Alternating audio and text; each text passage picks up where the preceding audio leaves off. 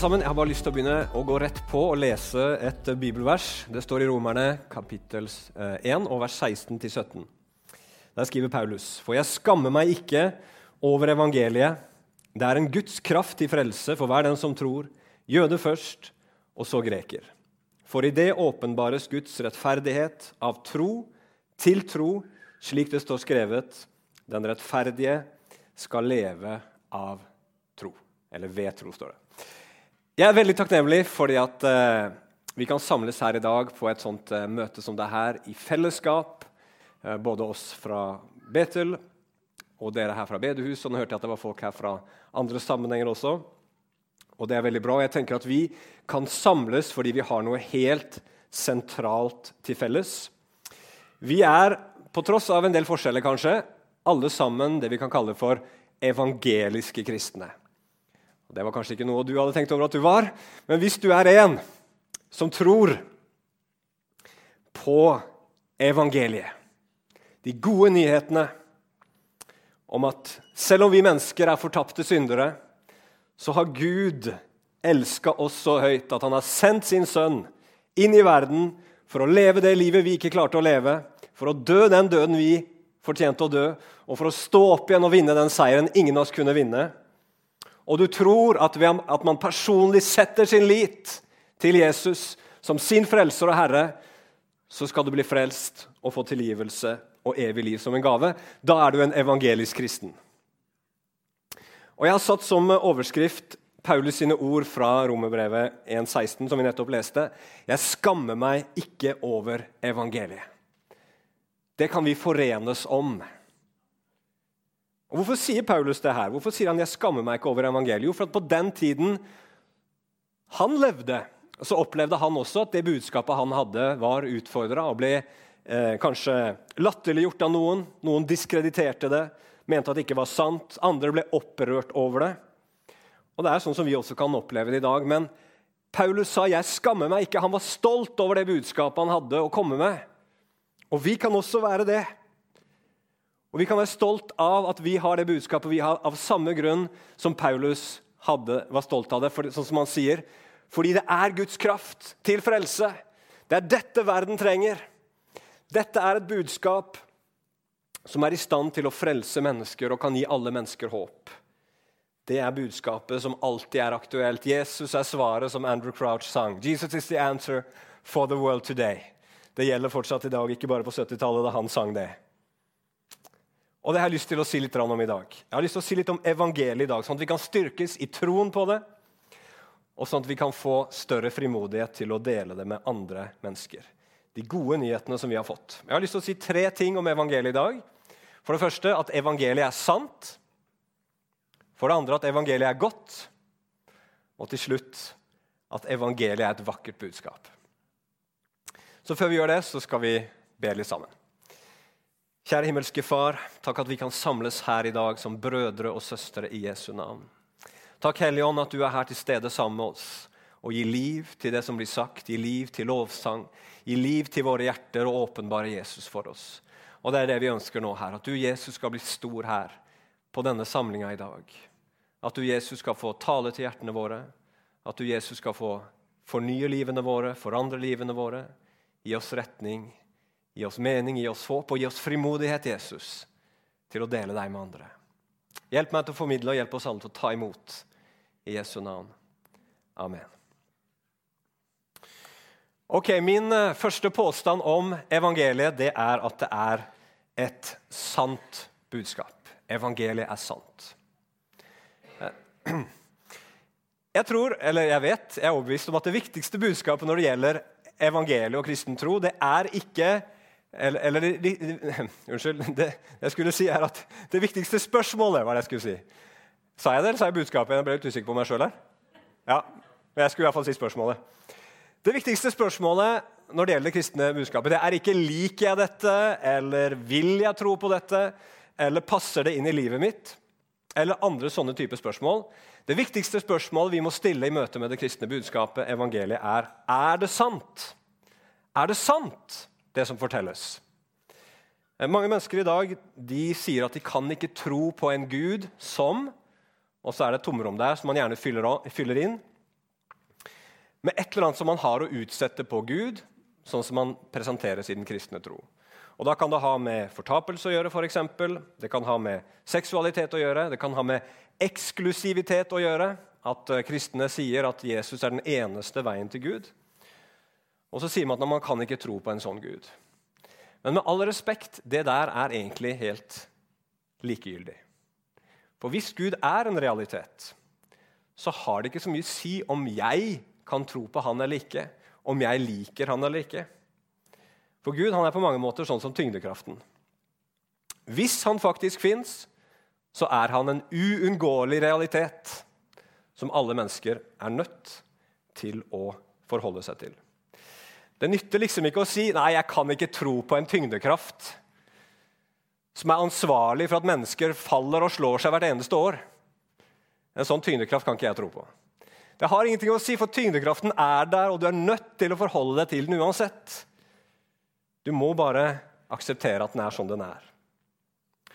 Og Sånn er det med Gud og sånn er det med evangeliet òg. Hvis det evangeliet, det kristne budskapet, er sant, så har det ikke noe å si om vi Eller hva vi tenker eller mener om det i samfunnet vårt i dag. Hvis det er sant, så er det det viktigste budskapet som fins på jorda i dag. Det er et budskap som må tas stilling til, og som må gis videre. Og er det ikke sant, så er det ingenting å bry seg om. Har det ikke noe å si? Så da er det store spørsmålet er det sant. Og dere blir vel ikke overraska da hvis jeg sier at jeg mener at det er sant. Jeg er glad dere lo der. Det var fint. Jeg tror det kristne budskapet er sant av to grunner. For det første fordi at jeg selv har erfart det, at det er virkelig. Det har gjort noe med mitt liv, det gjør noe med mitt liv i dag. Jesus han er en realitet. Og hvis du inviterer han inn i livet ditt, så vil du også merke det. Men så er det også sånn for det andre altså Hvem som helst kan vel si at det jeg tror på, er sant, for jeg har opplevd at det funker for meg. Men jeg tenker i tillegg til det at kristen tro er sant fordi at så vidt jeg kan se, og jeg har tenkt mye på dette spørsmålet her, så er det kristne budskapet det budskapet blant alle filosofier og religioner som passer best, som stemmer best med den virkeligheten som vi alle sammen erfarer. Og Jeg kunne sagt utrolig mye, men jeg har bare lyst til å begrense meg til to ting. Eller jeg har ikke lyst, men jeg må. det er en litt annen sak. Men for vår alles beste så begrenser jeg meg. Eh, to ting jeg har lyst til å si noen ting, om som underbygger evangeliets sannhet. For det første så er det sånn at det er et faktum at for absolutt alle mennesker så står relasjoner helt sentralt for oss. Eh, hvis du graver i et menneskes liv og spør hva er det viktigste i livet ditt, så vil du alltid komme fram til at det er mennesker. Mennesker de er glad i, og som er glad i dem. For å si det sånn, Den dagen vi ligger for døden, så er det veldig få av oss som da liksom skulle ønske at da hadde vi masse gods og gull rundt oss. At vi hadde TV-en vår fra 58 tommer og OLED, eller du hadde bilen din der, eller du hadde smykkene dine der, eller klærne dine der. Når, når, når, den, når den dagen kommer og vi ligger på det siste, så er det ikke ting vi vil bli omgitt med. Hva er det vi ønsker å ha der da på den dagen? Jo, det er de menneskene vi er glad i, og som er glad i oss.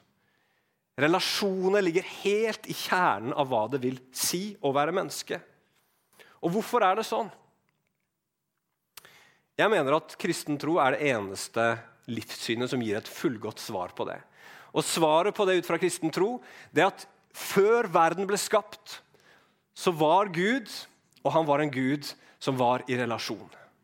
Han er en Gud som er Fader, Sønn og Hellig Ånd. Én Gud i tre personer som elsker hverandre, som ærer hverandre fra evighet og alltid kommer til å gjøre det. Og Når denne Gud, som er relasjon, skaper oss i sitt bilde, så er vi også sånne som er skapt for relasjoner. Som er avhengige av relasjoner, og for hvem relasjoner er det viktigste. Derfor er det også sånn at det å bli frelst det handler ikke først og fremst om å få sine synder tilgitt, selv om det er viktig, men det er bare middelet til å nå det som er målet, nemlig komme tilbake i en rett relasjon til Gud. Så det at vi er relasjonelle vesener på den måten der, det mener jeg forklares best av den kristne troen. Og for det andre Jesu oppstandelse. Det er veldig mange eh, seriøse historieforskere som de siste årene har brukt mye tid på å arbeide med dette med Jesu oppstandelse. Har han virkelig stått opp fra de døde? Og En som har jobba mye med det, han heter Gary Habermas. Du finner ham på internett, du finner mange bø bøker som han har skrevet om Jesu oppstandelse. Og Han baserer seg på det man kan kalle for minimale fakta. Som vi vet om hvem Jesus var, rent historisk, og det som skjedde rundt hans død. og, og, og alt dette her. Og De minimale faktaene det er historiske fakta som han sier har sterke bevis, og som stort sett, alle, stort sett alle forskere er enige om. Så sterke historiske bevis. Stort sett alle forskere er enige om disse faktaene. Og han sier at basert på bare disse minimale faktaene så er konklusjonen klar. Den eneste sannsynlige forklaringen på disse tingene det er at Jesus faktisk sto opp fra de døde. Hva kan forklare at Jesus faktisk var død, at graven var tom, at de første kristne var overbevist om at de hadde sett Jesus levende igjen etter at han var død? Og at eh, De første kristnes overbevisning om Jesu oppstandelse var det som drev kristendommen utover den da eh, kjente verden. Hva kan forklare alle disse tingene? Jo, sier Gary Habermas, det eneste som kan forklare det, er at Jesus faktisk sto opp fra de døde. Det fins mange alternative forklaringer, men de er ikke gode. De holder ikke vann. Men den forklaringen kan forklare alt sammen. Og Hvis Jesus faktisk sto opp fra de døde, så er det han sa, sant. Og så er det han sa om det han gjorde, sant. At han faktisk døde for våre synder. Vår tro, evangeliet om Jesus Kristus, er et sant budskap. Det er sant. Men så må vi være litt varsomme. For en del år siden så hørte jeg eh, Egil Svartdal, som sikkert mange her vet hvem er. Han hadde vært i Israel, og så hadde han eh, møtt mange mennesker, sa han, av forskjellige trosbakgrunner som han opplevde var mye mer inderlige og overgitte i sin tro enn det han sa han var vant til å se i sin hverdag som pastor i en pinsemenighet. Så sa han Jeg klarer ikke å si det sånn som han sier det. Han er jo ganske morsom når han først kommer i gang. Men han, han, eh, han sier noe sånt som at eh, når han møter disse menneskene som er så overgitt i sin tro, så sier han det er da du har lyst til å si Hei, dere! Hør på meg! Det er vi som har rett! Det er vi som har forstått det! Dere må høre på oss! Det er nok lurt å komme med litt ydmykhet. Eh, I dag er det jo sånn at Hvis du sier at du mener at du har sannheten, så blir ikke det kanskje alltid så godt tatt imot. I tillegg så kan man jo si det på en måte og ha en holdning som gjør at man oppleves som man kommer ovenfra og ned. Og det må vi vokte oss for. Vi tror at Jesus og evangeliet er sannheten, men det er liksom ikke en sannhet som jeg fant ut av fordi jeg var så smart og så lur. Nei, det var en sannhet som kom til oss. Det er en sannhet som ikke har så veldig mye med oss å gjøre. Det er en sannhet som, som bare overrumpla oss, og som vi bare var nødt til å akseptere. Som C.S. Lewis sa når han ble kristen, så var han den minst han, hva han sa for noe? The most reluctant convert in all of England. Jeg klarer ikke helt å oversette det nå på stående fot. Men han, han ville ikke bli en kristen. Han hadde ikke lyst, men han bare skjønte jeg bare nødt. For dette er jo sant. Og så ble han en kristen, og så er vi takknemlige for det han har skrevet. Og hvis eh, dere har lest bøker av han, så er de et sterkt forsvar for den kristne tro. Men det er en sannhet som bare kommer til oss, som ikke har noen ting med oss å gjøre. Og så er det også en sannhet som alle her inne lever ufullkomment etter. Er det sånn på bedehuset òg? Ja, for sånn er det på Betel. Det har jeg i hvert fall lagt merke til. Det gjelder meg òg, altså. Men dette her er en sannhet som ikke handler om oss, men det handler om en annen. Det handler om Jesus, at han er sannheten. Men så er det en sannhet vi ikke kan la være å tale om fordi det er noe vi har sett og noe vi har hørt. Ok, Så det første det er et sant budskap. Men er det et godt budskap? Det tror jeg er det viktigste spørsmålet for mange mennesker i dag. Er evangeliet og er kristen tro noe godt? Selv om vi tenker at det viktigste er at det er sant, så tror jeg det er viktig at vi også prøver å forsvare at dette her er et godt budskap. Fordi at Mange mennesker i dag beskylder kristen tro for å være et uh, hemmende og livsfiendtlig budskap. Kristne blir av noen holdt ansvarlig for mye eller mesteparten av det vonde historien kanskje i samfunnet vårt. Det fins de som mener at miljøkrisen har sitt opphav i kristendommen. Eh, og Hvis du er en såkalt konservativ kristen, så kan du få stempelet mørkemann. Og Da kan man ofte være mørkemann og gladkristen samtidig. Jeg vet ikke helt hvordan det henger sammen. Men det er en annen sak. Men for mange mennesker så er ikke kristen tro noe godt. Man tenker at en verden uten kristendom ville vært en bedre verden. Og hva i all verden skal vi si til det? Men det første jeg vil si er at Dette her er ikke noe nytt. Vi kan f.eks. lese det i 1. Peters brev, kapittel 2, og vers 12. Der sier Peter.: Lev rett blant hedningene, så de som baktaler dere og kaller dere onde mennesker, kan se deres gode gjerninger og prise Gud den dagen han kommer. Så hørte jeg nettopp eh, Fra 300-400-tallet så levde det en biskop eh, nede i, i, eh, i, i Romerriket som het Augustin. Og Han sa at det var et vanlig ordtak på hans tid at der kristendommen kommer, kommer hungersnøden. Og det man mente med det var at Når folk i Romerriket ble kristne, så slutta de å be til de tradisjonelle gudene. Og når de slutta å be til de gudene, ja, men da ble jo de gudene sinte. Og da ble det uår og hungersnød og elendighet. Og det var alltid de kristnes feil. Så dette her er liksom ikke noe nytt. Kristen tro har alltid blitt kritisert, og sånn er det i dag også. Jeg tror det er uunngåelig. Det er jo det Jesus sier. Har de forfulgt meg, så vil de også forfølge dere. Men så må vi også være villige til å ta litt selvkritikk på at eh, vi kanskje ikke alltid har gjort alt like bra og like smart. Vi har ikke alltid ledd helt opp til det vi tror på. Men allikevel så er min påstand at kristen tro og evangeliet, hvis det forstås rett, så er det godt, og det gir gode frukter. Og Her også kunne jeg sagt mye, mye, mye, men jeg skal prøve igjen å begrense meg til et par ting. Jeg klarte det ganske bra i stad, gjorde jeg ikke det? Jeg gikk nesten ikke utover mine egne notater her. så... Ok, La oss snakke litt om moral. Mye av kritikken i dag eh, på det som har med kristen tro å gjøre, det går på kristen moral, og spesielt seksualmoral. Og Moral det er noe som vi ikke kan unngå. Vi kommer ikke utenom moral. Alle samfunn trenger moral. Så det som skjer i det norske samfunnet i dag, nå som vi til en viss grad har forlatt den kristne moralen, så kommer det en annen moral inn. Og En av utfordringene med den moralen som vi har i vårt samfunn i dag, det er at den forandrer seg hele tiden. Og De som er komikere, de er spesielt eh, ramma av det her. For at når du som komiker i dag skal lage en eller annen vits, så må du ikke bare tenke på at dette her må være innenfor de rammene og normene som er satt i dagens samfunn, men at antageligvis så kommer de til å endre seg om en 10-15 år. Og jeg må ta hensyn til det òg. For det fins ganske mange komikere og andre mennesker også, som har uttalt seg og sagt ting for 10-15 år siden som ingen reagerte på på den tiden. Men så kommer det fram i dag, og så blir det hurlum hei, og de må legge seg flate, så flate de bare kan. Og så håper de at de kan få nåde og bli tatt tilbake igjen i det gode selskap. Men mange har fått karrierene sine ødelagt og blitt utstøtt fordi at moralen har forandra seg. Og Da ser vi et annet problem med den nye moralen. det er at Den ofte er ganske nådeløs. Går du over streken, så kan du ende opp med å bli forkasta og satt utenfor. Hvordan er det med kristen moral? Vel, hvis du liker å lese, så vil jeg anbefale denne boka. her. Den heter 'Dominion' av Tom Holland. Han er en eh, britisk historiker som argumenterer for mye, eh, hvor, hvor, mye kristen tro har påvirka eh, den vestlige kulturen i vår tid.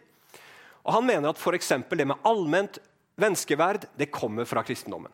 At alle mennesker er like mye verdt, det er ikke noe som, har, som kommer fra romerne, det kommer ikke fra grekerne, men det kommer fra kristen tro. Og Det er jo en tanke som vi i vårt samfunn i dag tenker på som fundamental. ikke sant? Vi snakker om menneskerettigheter. At alle mennesker har samme rettigheter og samme verdi. Men det er i grunnen en idé som det er umulig å holde fast ved hvis ikke det fins en Gud. For hvem i all verden skal bestemme at alle mennesker har samme verdi hvis vi bare er atomer alle sammen?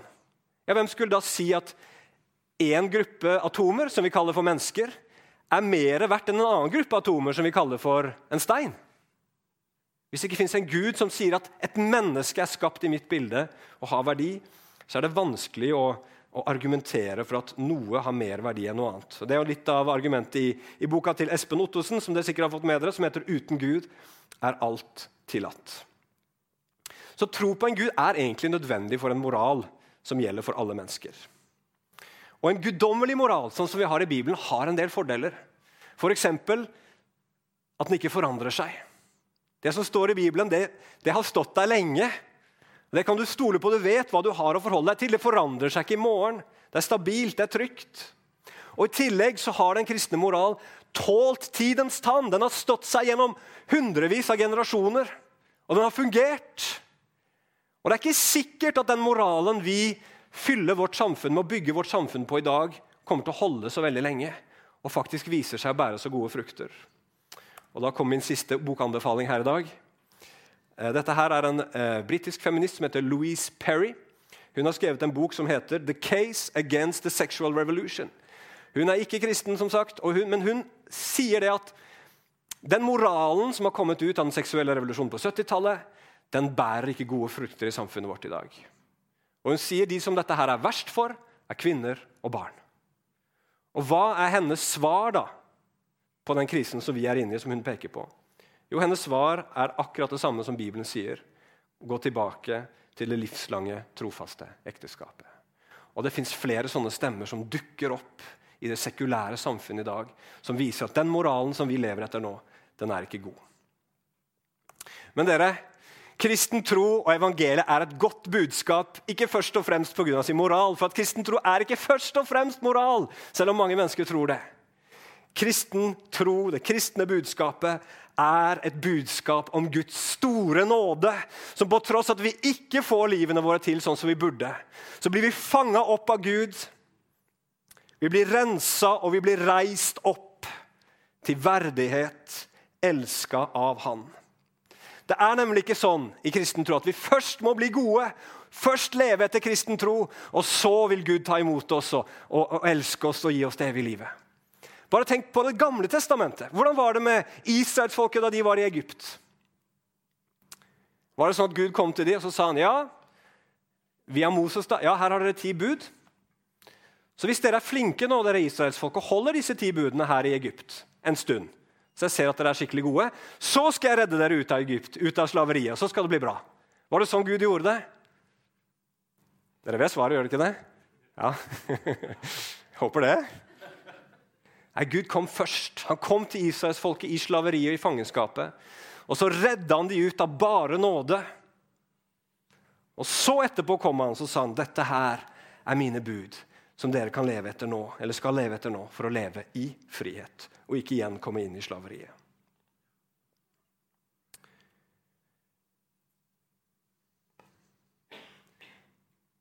Kristen tro gir det som vårt samfunn sliter med å gi nåde. Nåde i bøtter og spann. Kanskje ikke er vi kristne like flinke alltid til å leve opp til det, men det er fundamentalt i kristen tro. Der synden var stor, sier Paulus, ble nåden enda større. Og det er en livsforvandlende nåde. Jeg skal avslutte dette punktet bare ved å sitere denne fyren her. Robert Woodberry heter han. Han er en, en forsker som har forska på misjon.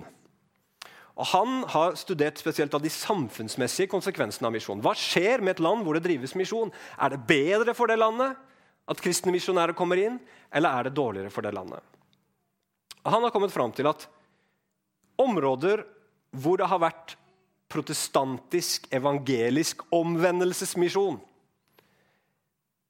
Han sier om de områdene at der Jeg kan få lese dette sitatet, jeg, tror, for jeg klarer ikke helt å bygge den setningen. jeg skulle fortsette på der. Sitatet er at områder der protestantiske evangeliske misjonærer tidligere hadde en betydelig tilstedeværelse, er i dag i gjennomsnitt mer økonomisk utviklede med relativt sett bedre helse, lavere spedbarnsdødelighet, mindre korrupsjon, bedre lese- og skriveferdigheter, høyere utdanningsnivå, særlig for kvinner, og flere medlemmer i frivillige organisasjoner. Der hvor evangeliet har blitt forkynt, så har det båret gode frukter. Evangeliet er godt. Det er ikke alltid det føles godt å høre evangeliet, for noen ganger så treffer det oss i vår synd, og vi blir avslørt, og vi kjenner at vi er ikke sånn som vi burde være. For det fins en dårlig nyhet i de gode nyhetene, men når de gode nyhetene kommer, og du tar dem imot,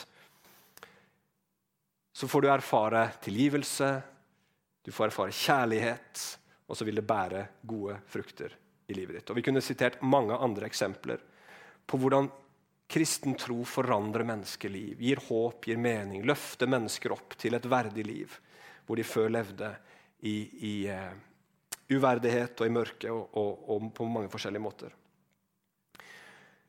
Vi kan til og med sitere statistikk fra USA på at kristne, konservative kristne har det bedre ekteskapet sitt enn andre folk. Og Det er ikke for å si at kristne er noe bedre enn andre folk, men det er bare for å si at Jesus er bra. At når han kommer inn i livet, så gir det gode frukter. Det kristne budskapet er godt for mennesker. Og så vil jeg avslutte med å si at det, kristne budskapet er noe fantastisk vakkert.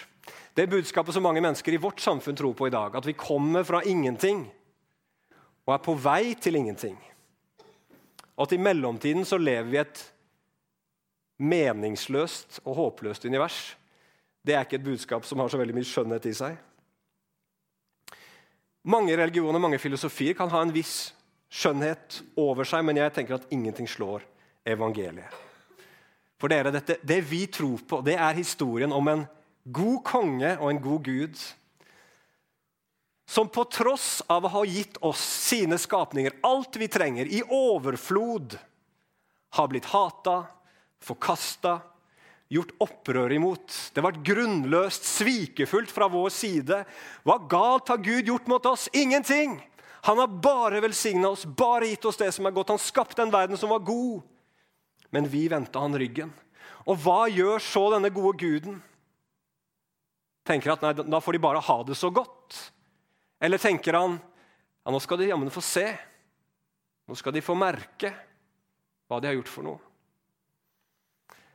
Nei, det vi tror på, det budskapet som evangeliet forteller oss, det er at istedenfor å straffe, så forlater den Gud vi tror på, sin himmelske herlighet.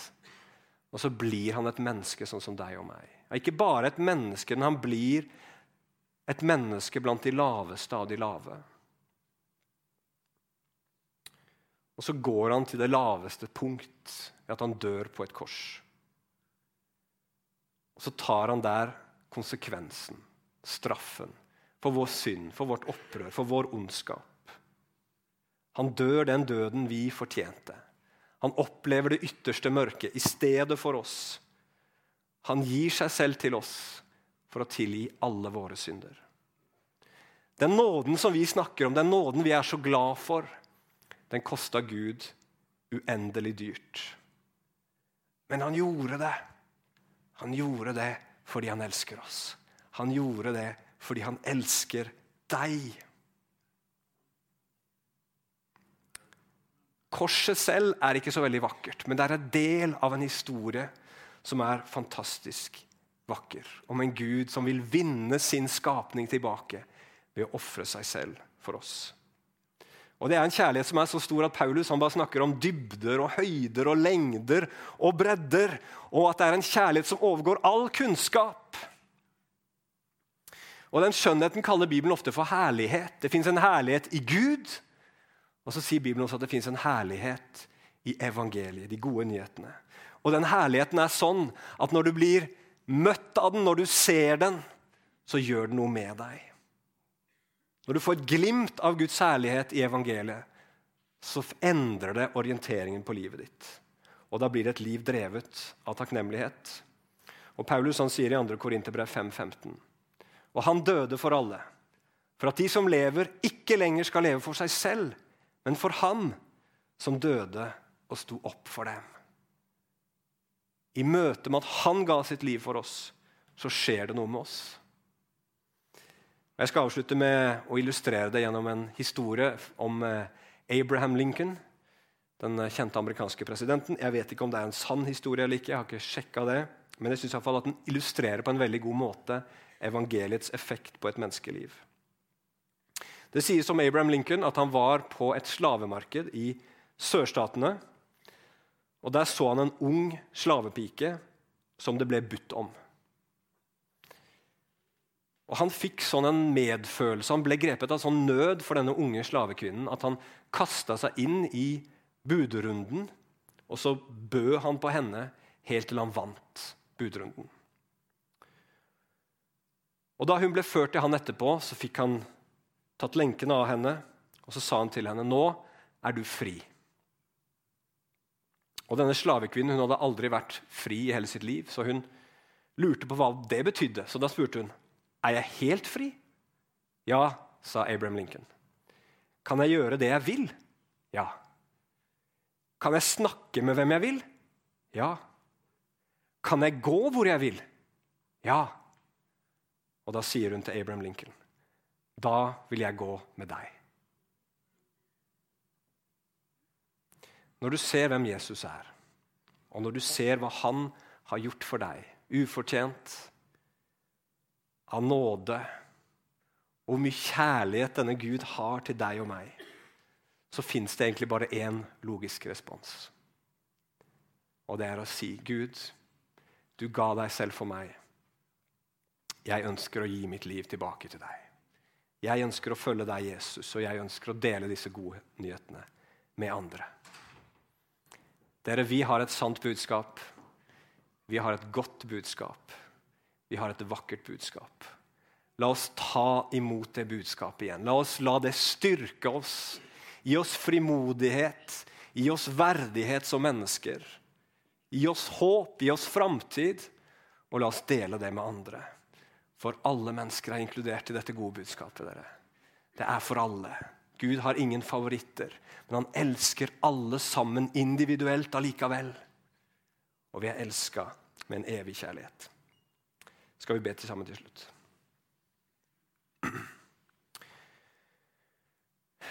Ja, kjære himmelske Far. Takk for disse gode nyhetene, Herre, som jeg så ufullkomment har forsøkt å bringe fram nå, Herre. Jeg ber om at du må la de treffe våre hjerter igjen. La disse gode nyhetene gjøre oss glade, fredfylte, håpefulle, kjærlighetsfulle, oppofrende og villige, Herre, til å elske vår neste som oss selv. Herre, gi oss frimodighet også til å bringe dette budskapet ut, så folk får høre Jesus. At du har kommet inn i denne verden for å oppsøke det som er fortapt for å frelse det. Amen. For å bringe oss, som vi hørte her, som alle sammen lengter etter et hjem. Hjem til det, hjem til det hjemmet vi ble skapt for å høre til i og bo i. Det evige hjemmet i din nærhet, Gud. Herre, må du komme med din Hellige Ånd. Forny oss i troen på deg. Amen.